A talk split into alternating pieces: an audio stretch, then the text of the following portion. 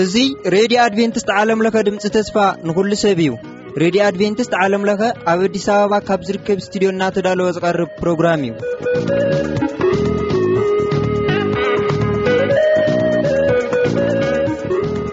ኣብ ርሑቕን ቀረባን መደባትና ንምድማፅ ኣብ መስመርና ትርከቡ ተኸታተልቲ መደብና ብቐዳምነት ዝዓዘዘ መንፈሳዊ ሰላምታ ኣብ ዘለኹምዎ ይብፃሕኩም ንብል ካብዚ ካብ ስቱድዮና ብምቕፃል ንሎሚ ዝህልወና መደብ መደብ ክፍለጥ ዘለዎ እዩ። ምሳና ፅንሑ ሰናይ ምክትታል።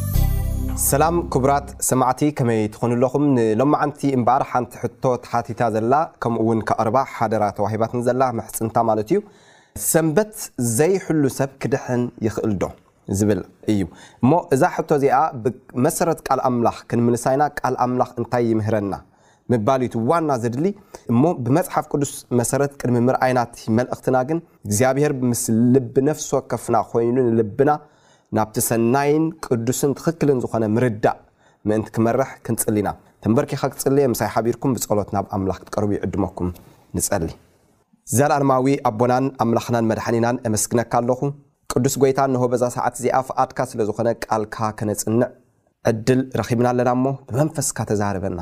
ወእግዚኣብሔር ብሓቂ ሰብ ዘይኮነስ ቃልካ እንታይ ይምህር ክንፈልጥ ንስኻ ትብሎ ሓቂ ጥራይ ክንሓስብ ንዕኡ ከኣ ክንደሊ ርድኣና።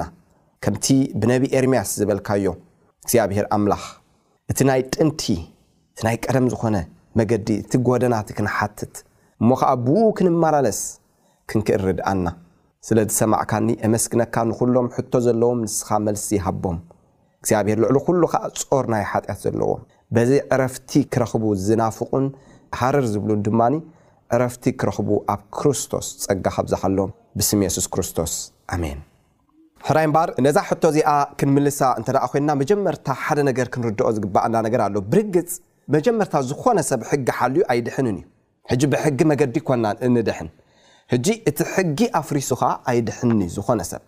ግን ኣብዚ ከነስተውዕሎ ዘለና ነገር ኣሎ እግዚኣብሄር ኣምላኽ ዝሓቶ ሕቶ ኣሎ ማለት ነቶም ብዙሕ ዝተዋህቦም ብዙሕ እዩ ዝሓቶም ማለት ፍልጠት ቃል ኣምላኽ ንዘሎና ሰባት ብኡ መጠን ይሓተና ህጂ ሓደ መእተዊ ጥቅሲ ነዚ ሓጋዚ ክኮነና ጽሑፍ ከንብብ እየ እግዚኣብሄር ኣምላኽ ኣብ ቃሉ ካብ ዝበሎ ካብ ዝነገረናን ኣብ ግብሪ ሃዋርያት ምዕራፍ ዓሰርተ ሸውዓተ ቁጽሪ ሰላሳን ሰላሳን ሓደን ከምዚ ይብል፣ ኣምላኽ ነቲ ዘመን ድንቁርና ኣሕሊፉ በቲ ካብ ምዉታት ዘተንስኦ እሞ ብእኡ ንኹሉ እምነት እናሃበ ዝመደቦ ሰብኣይ ንዓለም ብጽድቂ ዝፈርደላ መዓልቲ ወሲኑ ስለ ዘሎ ሕጂ ይብል ኣብ ኩሉ ቦታ ንብዘሎ ሰብ ኪንስሑ ይነግር ኣሎ። እዚ መልእኽቲ እዚ ካበይ ዝመጸ እዩ እንተኢልና ካብ ኣምላኽ ዝመጸ እዩ። እግዚኣብሄር እዩ እንታይ ዝገብር ዘሎ ዝዛረብ ዘሎ። ንነፍሲ ወከፍ ሰብ ክንስሑ ይነግር ኣሎ ብርግጽ። ኣምላኽ ነየን ነቲ ዘመን ድንቁርና ኣሕሊፉ ሕጂ ኣብዚ ነስተውዕል ብድንቁርና ዝተገብረ ሓጢኣት ንዕኡ ነቲ ዘመን ድንቁርና ኣሕሊፉ ማለት እዩ በቲ ካብ ምዉታት ዝተንስኦ እሞ ብእኡ ንዅሉ እምነት እናሃበ ዝመደቦ ሰብኣይ፣ ንዓለም ብጽድቂ ዚፈርደላ መዓልቲ ወሲኑ ስለ ዘሎ፣ ይብል ኣምላኽ፣ ሕጂ ኣብ ኵሉ ቦታ ንብዘሎ ሰብ ኪንስሑ ይነግር ኣሎ። ሕጂ እግዚኣብሄር ነቲ ዘመን ድንቍርና'ውን ይሕለፍ ስለ ዝሓደጎ። እዚ ንፈልጥ ኢና። ማለት ሓደ ነገር ከነስተውዕሎ ዚግብኣና ነገር ኣሎ። እግዚኣብሄር በቲ ዘርኣየና ብርሃን ብኡ መጠን እዩ ዚሓተና።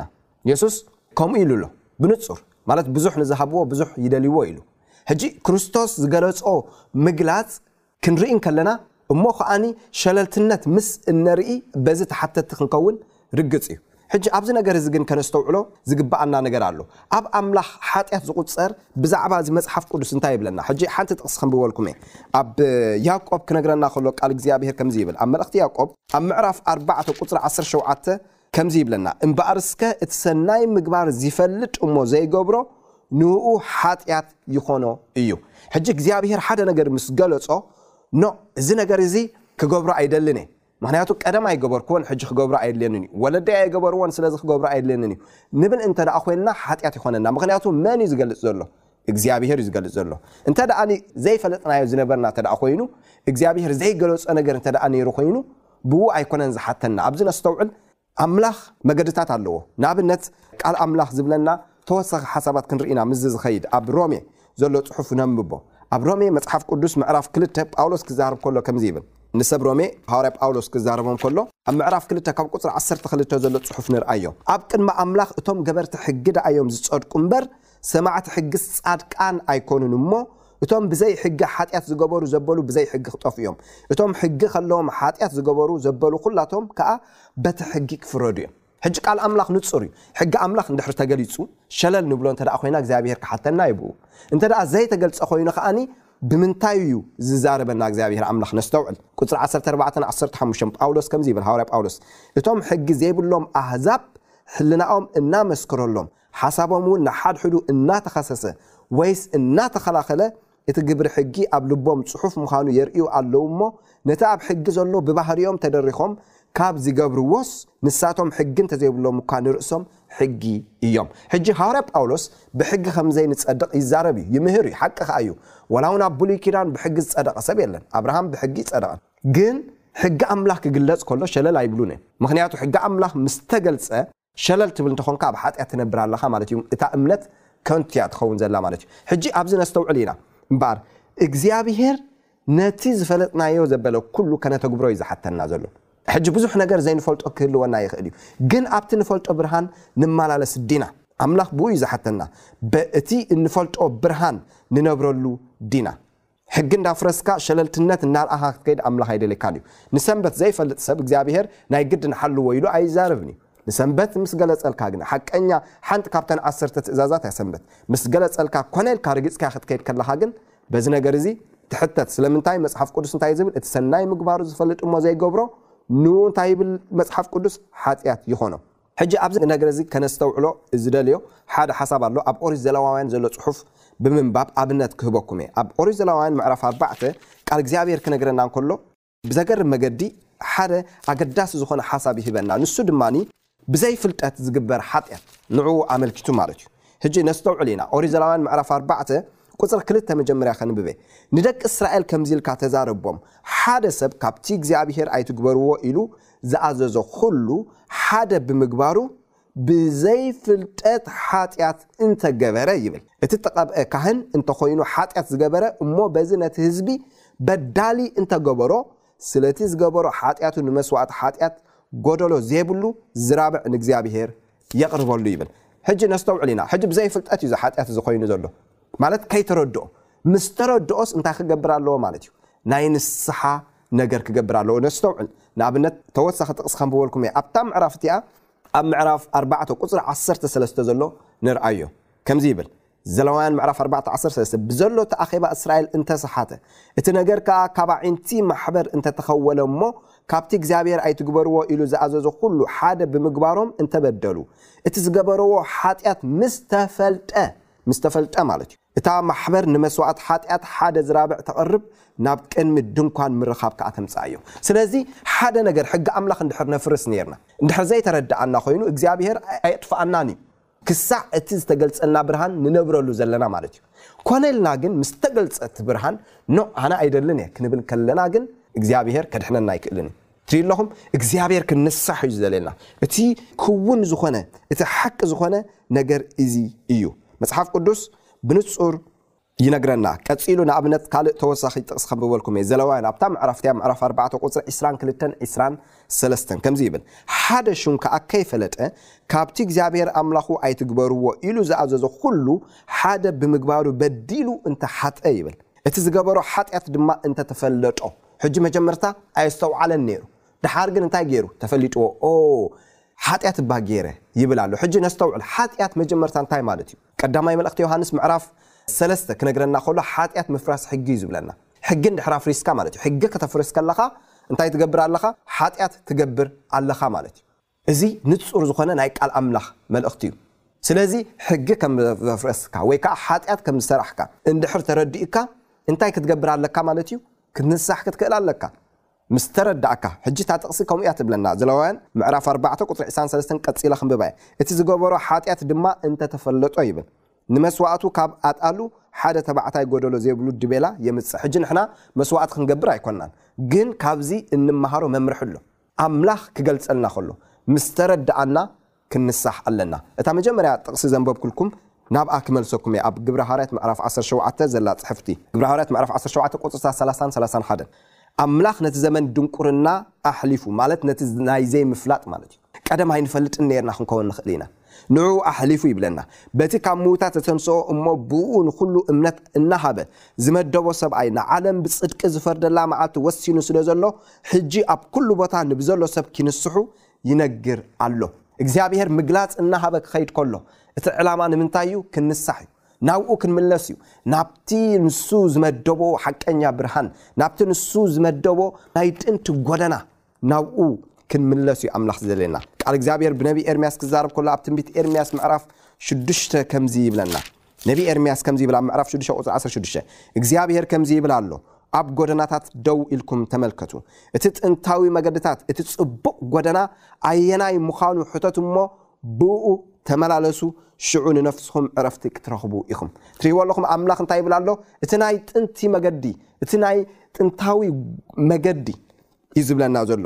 እቲ ጽቡቕ ጎደና ኣየናይ ምዃኑ ሕተቱ እሞ ብእኡ ተመላለሱ። ስለዚ እግዚኣብሔር ነቲ ናይ ጥንቲ ክመልሶ ይደሊ። እቲ ናይ ጥንቲ ክንብል ከለና ነቲ ናይ መስዋእትታት ኣይኮንኩን ዝዛረብ ዘለኹ። ነቲ ዘለዓለማዊ ዝኾነ ባህሪኡ ዘንጸባርቕ ሕጊ ኣምላኽ። ዓሰርተ ትእዛዛት ሎሚ ክንርኢ እንከለና ኣብ ታሪኽ ብብዙሕ መገድታት ፈሪሰን እየን ዘለዋ። ሎሚ ድማ ዓለምና እናፍረሰቶ እያ ትኸይድ ዘላ። ብዝሙት ብስርቂ ብብዙሕ ብልሽውና ካብ ኣምላኽ እናረሓቐት እያ ትኸይድ ዘላ እግዚኣብሄር ግን ነቲ ናይ ቀደም ዑና ዝኾነ ሎሚ ክሃንጾ እዩ ዝደሊ ዘሎ እግዚኣብሄር ኣምላኽ እቲ መፍረስ ሕጊ እቲ ጸረ ክርስቶስ ንሕጊ ዘፍርስ ዝድምስስ ስለምንታይ እዩ ሕጊ ኣምላኽ ማለት ኣምላኽ ናብኡ ክመልሰና ዝደልዩ ናብቲ ትኽክል ዝኾነ ሓቀኛ ባህሪ እዩ የሱስ ከድሕነና እንተኾይኑ ብፍላይ ኣብዚ መወዳእታ ዘመን እዚ ድማ ክንእዘዞ ይደልየና እዩ ብሕጊ ኣይጸደቕኩን ማለት ንሕጊ እንዳፍረስኩ ይድሕን ማለት ኣይኮነን። ንትእዛዝ ኣምላኽ እናረገጽኩ ይድሕን ማለት ኣይኮነን። እቶም ናይ ኣምላኽ ህዝቢ ኣብ መወዳእታ ዘመን ዘለዉ ራእይ ዮሃንስ ክነግረና ከሎ ትእዛዛት ኣምላኽ ዝሕልዉ እዮም እዩ ዝብለና። ራእይ ዮሃንስ ምዕራፍ ዓሰርተ ኣርባዕተ ቁጽሪ ዓሰርተ ክልተ ኬድና ክንርኢ እንከለና እቶም ንትእዛዛት ኣምላኽን ንእምነት የሱስን ዝሕልዉ ይብል ቅዱሳት ከኣ ትዕግስቶም ኣብዚ እዩ ዘሎ በለ። እቲ ናይ ጸረ ክርስቶስ ሓይሊ ክደፍእ ከሎ ብሓይሊ እግዚኣብሔር ሕጉ ዝሕልዉ ሰባት ይደሊ ኣሎ። ሰንበት ሓንቲ ካብተን ሕጉ እያ። እቲ ዘገርም ነገር ከኣ መጽሓፍ ቅዱስ እንታይ እዩ ዝብለና ኣብ መወዳእታ ዘመን ምልክት መፍለይ ናይ ህዝቢ ኣምላኽ ካብ ኩሎም ናይ ሓሶት ኣምልኾ ዘለዎም ሰንበት እያ ክትከውን። መዓልቲ ሰንበት ክትቅድሳ ዘክር እትብል ካብተን ዓሰርተ ትእዛዛት ማሕተም ናይ ኣምላኽ እያ። ማሕተም ክንብል እንከለና ሰለስተ ነገራት ዘጠቓለለ እዩ። እቲ መንነት ናይቲ በዓል ስልጣን ማለት እዩ። ከምኡ ድማ እቲ ዝውንኖ ቦታ ከምኡ ድማ ስሙ። ካብተን ዓሰርተ ትእዛዛት እታ ማሕተም ዝኾነት ሰንበት ድማ ነዚ ሰለስተ ኣለዋ።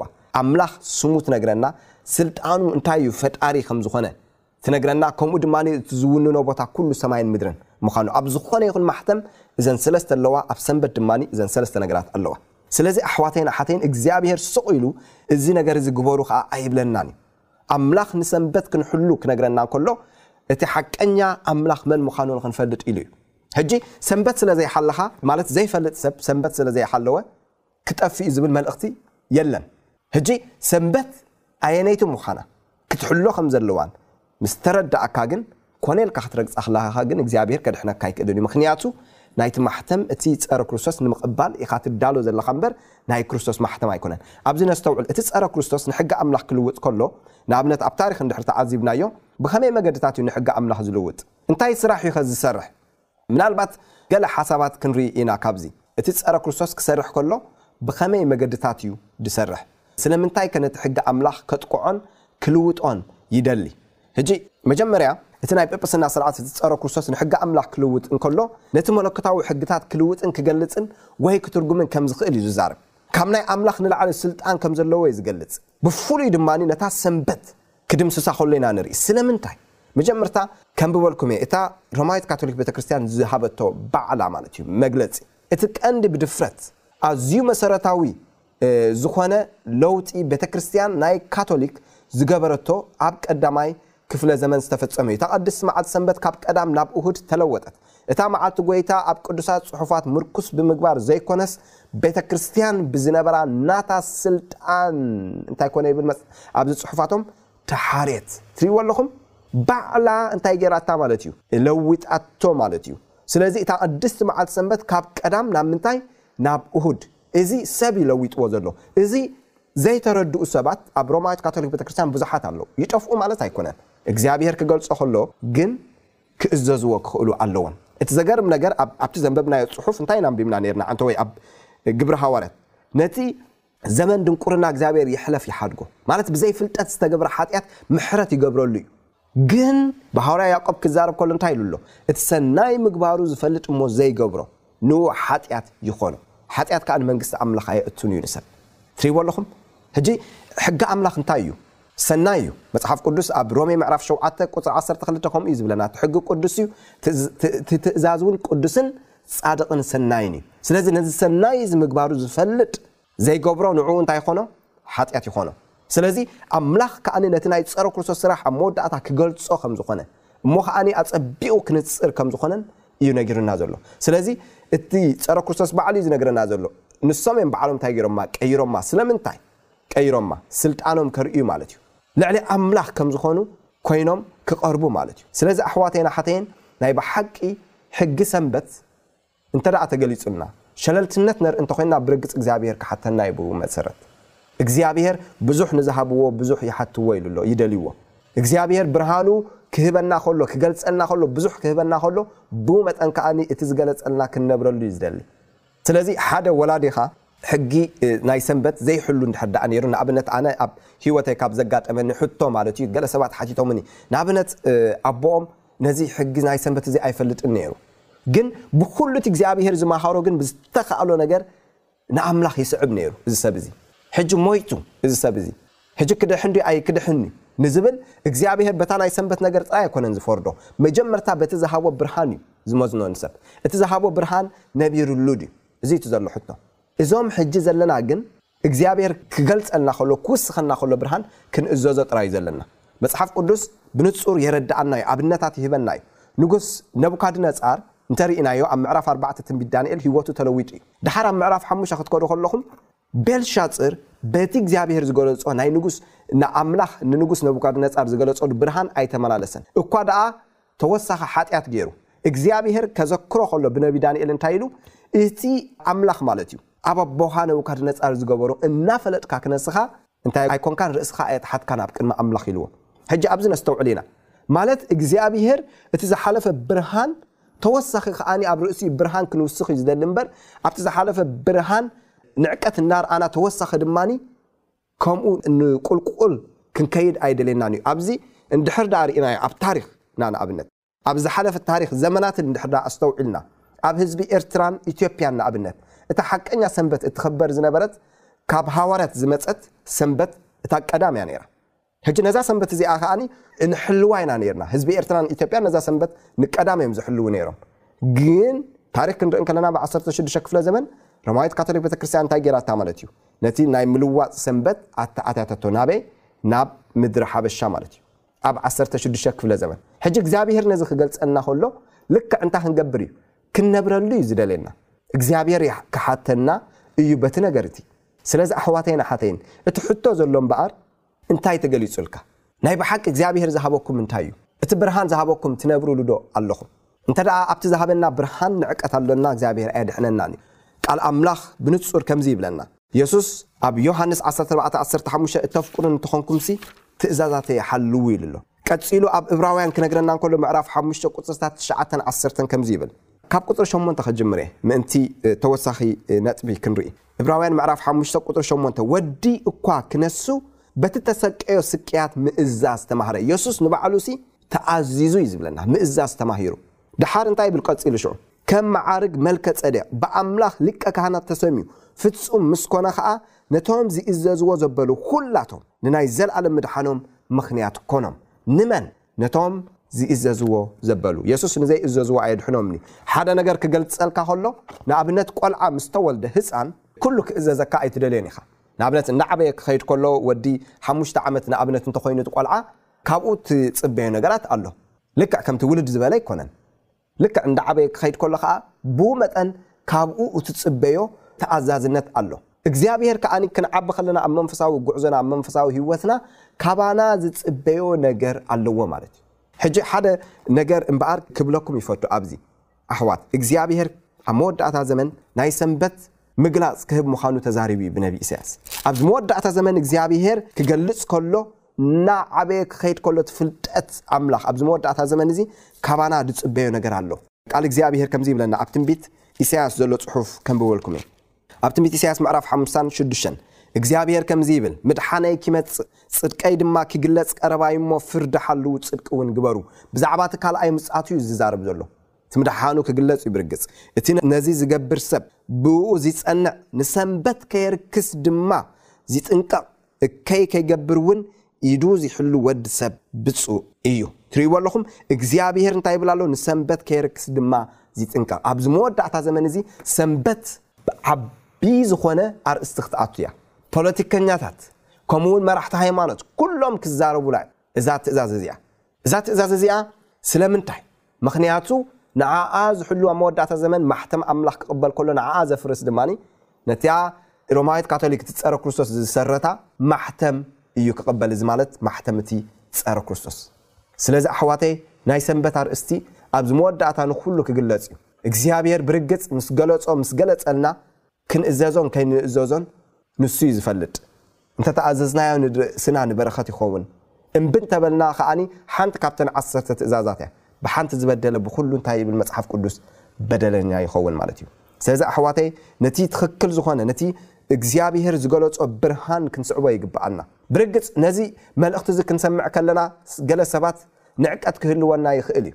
ኣሕዋተይ ግን ሓቂ ዝደሊ ሰብ ክምርምር እዩ ንሓቂ ዝደሊ ሰብ ከጽንዕ እዩ እቲ ኩሉ ታሪኽ ኣመጻጽኣ ናይቲ ጸረ ክርስቶስ እግዚኣብሄር ብነቢ ዳንኤል ገሊጽዎ እዩ ከምኡውን እቲ ናይ ማሕተም ኣምላኽ ከነስተውዕል እንተ ኮይንና ነቲ ጸረ ክርስቶስ ምስ ተረዳእና እዩ ክኸውን ዝኽእል ነዚ ድማ መጽሓፍ ቅዱስና ኣብ ትንቢት ዳንኤልን ራእይ ዮሃንስን ኣንቢሩና ኣሎ እግዚኣብሄር ብዝገለጾ መገድታት እንተዘይኮይኑ ብኻልእ መገዲ ምድሓን ዝበሃል የለን።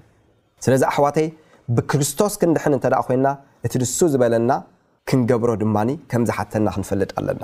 የሱስ ነቶም ዝእዘዝዎ ድኣ እምበር ነቶም ክነግሮም ከሎ ክገልጸሎም ከሎ ሓቅታት ዘይእዘዝዎ ኣየድሕኖምን።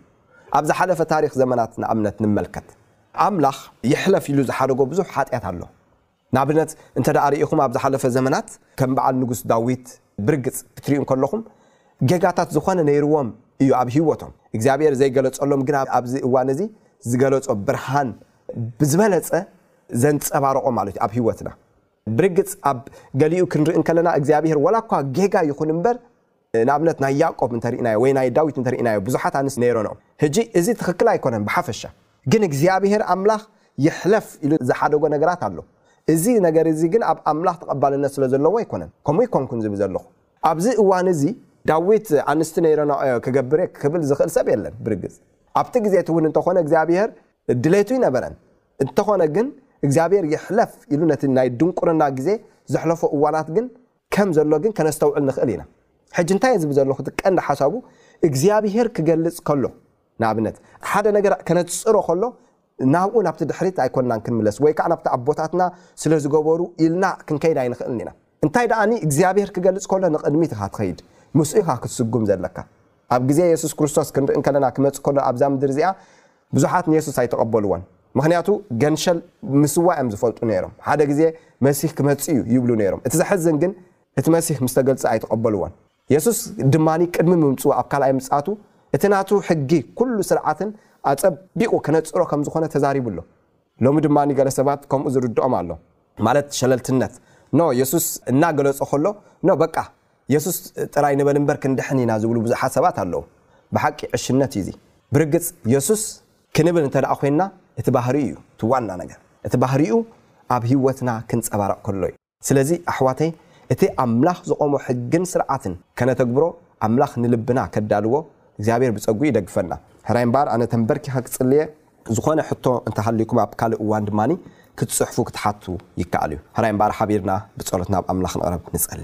ተመስገን ኣምላኽ ብሓቂ ንዓና ዝኸውን መልእኽቲ ስለ ዝሃብካና።